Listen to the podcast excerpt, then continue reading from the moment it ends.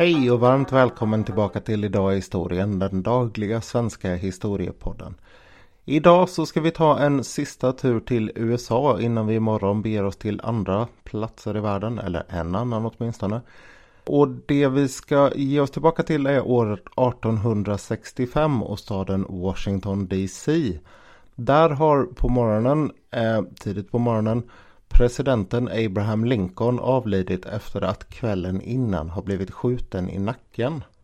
Han hade då suttit i lugn och ro och tittat på en eh, pjäs som hette Our American Cousin tillsammans med sin fru Mary och en Major Rathbone och hans fästmö Clara Harris. Det han inte visste var att någon hade strulat lite med dörren för att kunna öppna den utifrån.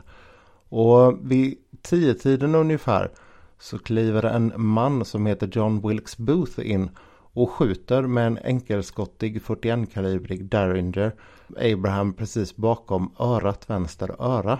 Det här gör ju naturligtvis att det blir stor uppståndelse inne på teatern och eh, den första som reagerar det är den här Major Rathbone som reser sig upp och försöker gripa den unge John Wilkes Booth.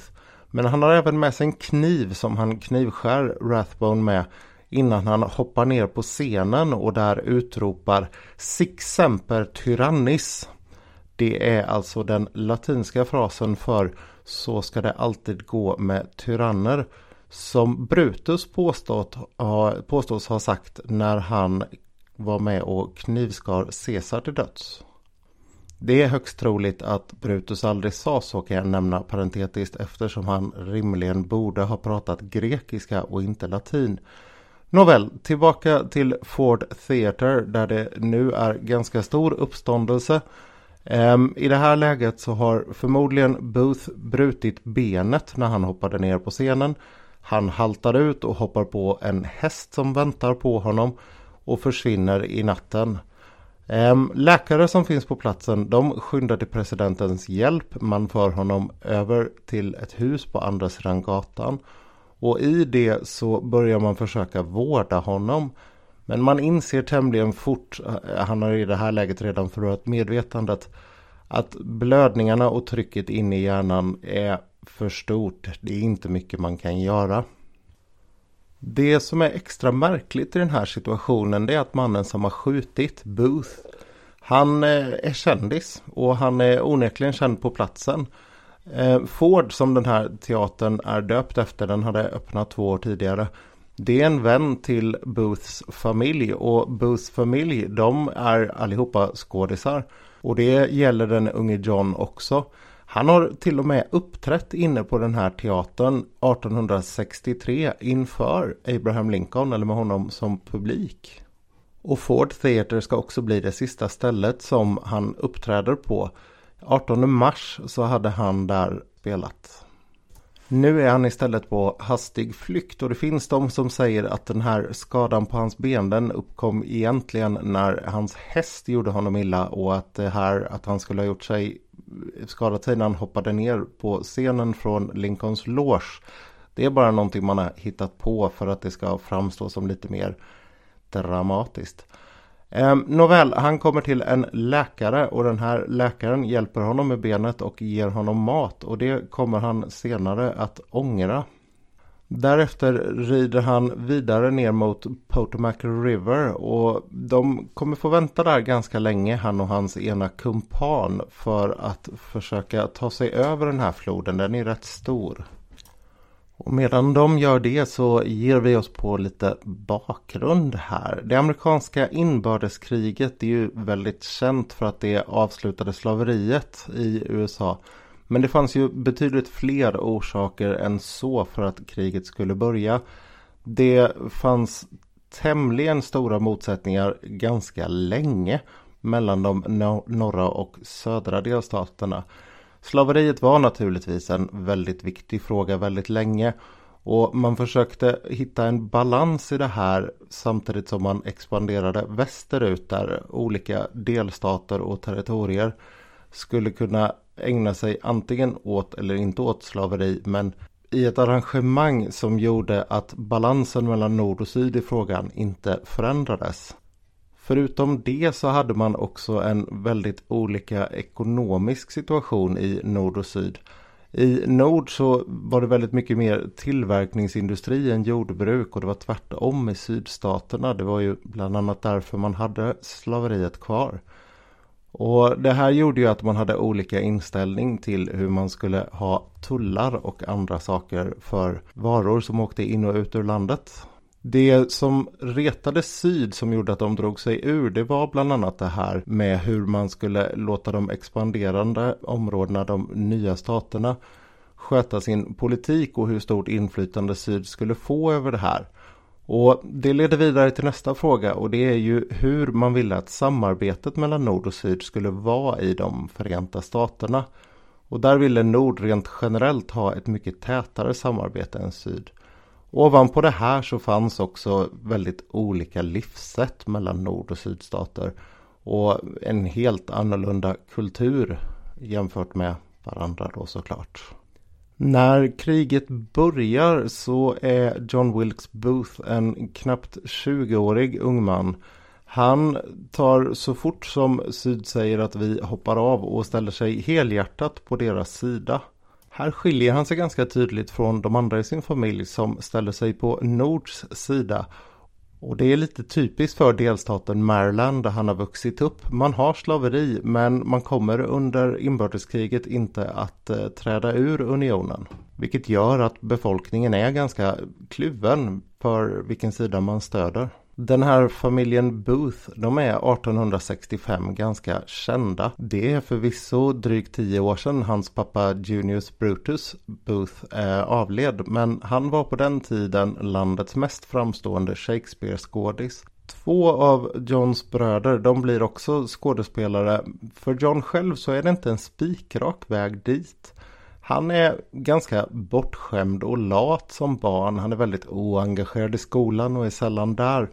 Men när han väl bestämmer sig för att bli skådis så är det ju ingen nackdel att vara en snygging som han är. Han var dessutom väldigt karismatisk berättas det. Och han hade en hel del rå talang. Så när han väl börjar spela och ta det här på allvar så hyllas han faktiskt väldigt stort. Och under åren fram mot krigsutbrottet då är han verkligen en skådis på väg upp. Det finns en hel del affischer bevarade där hans namn står med gigantiska bokstäver jämfört med de andra skådespelarnas. Och han gillade just de här rollerna, Shakespeare-rollerna, klassiska rollerna. Han, hans favoritroll påstås ha varit Brutus. Jag vet inte hur mycket det stämmer. Det skulle ju passa väldigt väl ihop med att han säger samma sak då efter att han har skjutit presidenten. Samtidigt som han växer som skådespelare blir allt mer känd och börjar tjäna en hel del pengar. Han startar bland annat ett oljebolag som hette Dramatic Oil Company. Det kan vara det bästa namnet någonsin tror jag på ett oljebolag. Det går inget vidare men han hade råd att spekulera på det här sättet. Men samtidigt så har han ett gnagande missnöje. Det är inbördeskrig i landet. Han stödjer sydsidan som det inte går kalasbra för. Men han spelar både i nord och syd och han reser runt väldigt mycket. Och 1863 så blir han sjuk av någon anledning. Han får andningsbesvär. Och under den här tiden så verkar det som att hans hat mot Abraham Lincoln fullständigt exploderar.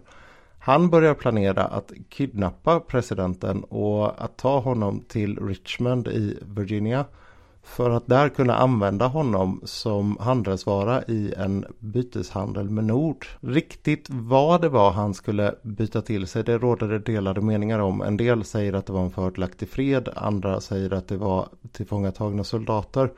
Men det här växer sen, eller går sen vidare till att bli tankar på en mordkomplott och man gör tidigare försök eller tänker sig göra tidigare försök som går åt skogen därför att resplanerna förändras för presidenten. Booth har också en ganska osund relation till sig själv. Han är upprörd därför att han inte vågar vara frivillig påstås det. Han lär ha skrivit i sin dagbok att han hade svårt att hantera sin egen feghet och existens och Kanske är det han vill göra en så här dramatisk anledning för att väga upp den här känslan och på så vis också försöka hjälpa sina älskade sydstater och kanske även gå till historien. Han har i alla fall ett gäng med kumpaner och när han får höra att presidenten ska komma till Ford Theater den här långfredagskvällen 14 april då sätter man sin plan i verket han ska gå dit och skjuta presidenten och samtidigt så ska man döda vicepresidenten Andrew Johnson som den man som har utsetts att göra det här, han vågar inte. Han kommer sitta och supa hela kvällen istället. Och utrikesministern William Henry Seward, han ska också dödas i det här attentatet. Den mannen som är utsedd att utföra det, han vågar och han anfaller utrikesministern i dennes sovrum med kniv. Han lyckas skada honom ganska mycket innan han flyr, alltså attentatsmannen. Seward han överlever och det här är ju ganska tydligt ett misslyckat attentat. Man tänker sig att man ska slå ut den stora ledningen för nordstaterna och att det här ska kunna få syd att ta till vapnen igen. Det är bara några veckor sedan som man har lagt ner dem och det är fortfarande strider på vissa håll. Booth och hans kumpan de ligger nu gömda här vid Potomac River och det är inget särskilt bra läge. De gör ett misslyckat försök att ta sig över. Och några dagar senare så går det. De tar sig därefter längre söderut över ytterligare en liten flod som heter Rappahannock som jag mest ville säga för att det är ett skönt namn. Eh, därifrån så tar man sig till en bonde som heter Richard Garrett. Han har en bondgård som ligger i närheten av dagens Port Royal i Virginia. Man gömmer sig i hans tobakslada och ligger där återigen och trycker ett tag. Den 26 april så blir man upphunnen av soldater från nordstaterna och de omringar huset och berättar att det är dags att ge upp nu och komma ut. Booths kumpan, han tar det säkra före det osäkra i det här läget. Ger ut och går, upp, går ut ur ladan. Booth själv, han säger att ni kommer aldrig någonsin att ta mig levande. Det får han ett ganska bestämt svar på. Man sätter eld på ladan för att jaga ut honom och under tiden som han är där inne så är det en soldat som kallas för Boston Corbett som skjuter honom. Varför han gör det, det får han sen förklara ganska ingående därför man hade strikta order om att inte skjuta.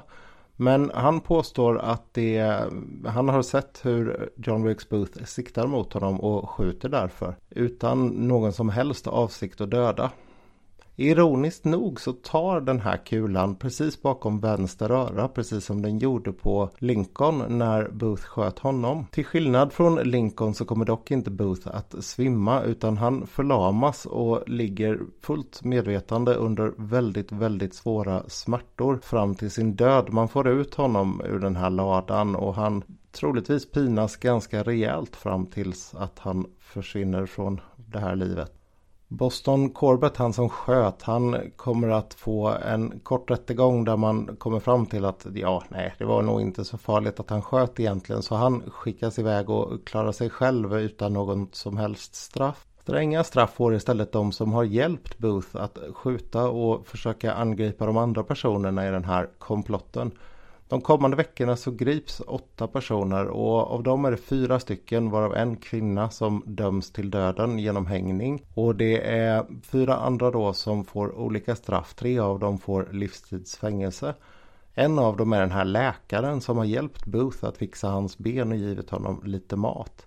Han påstår desperat att han var inte alls medveten om vem Booth var och även om han hade varit det så visste han inte vad vad han hade varit iväg och gjort precis innan. Det imponerar dock föga på domstolen men de kommer faktiskt, de här livstidsdömda kommer faktiskt att friges redan 1869, bli benådade. Då har en av dem i och för sig redan hunnit avlida.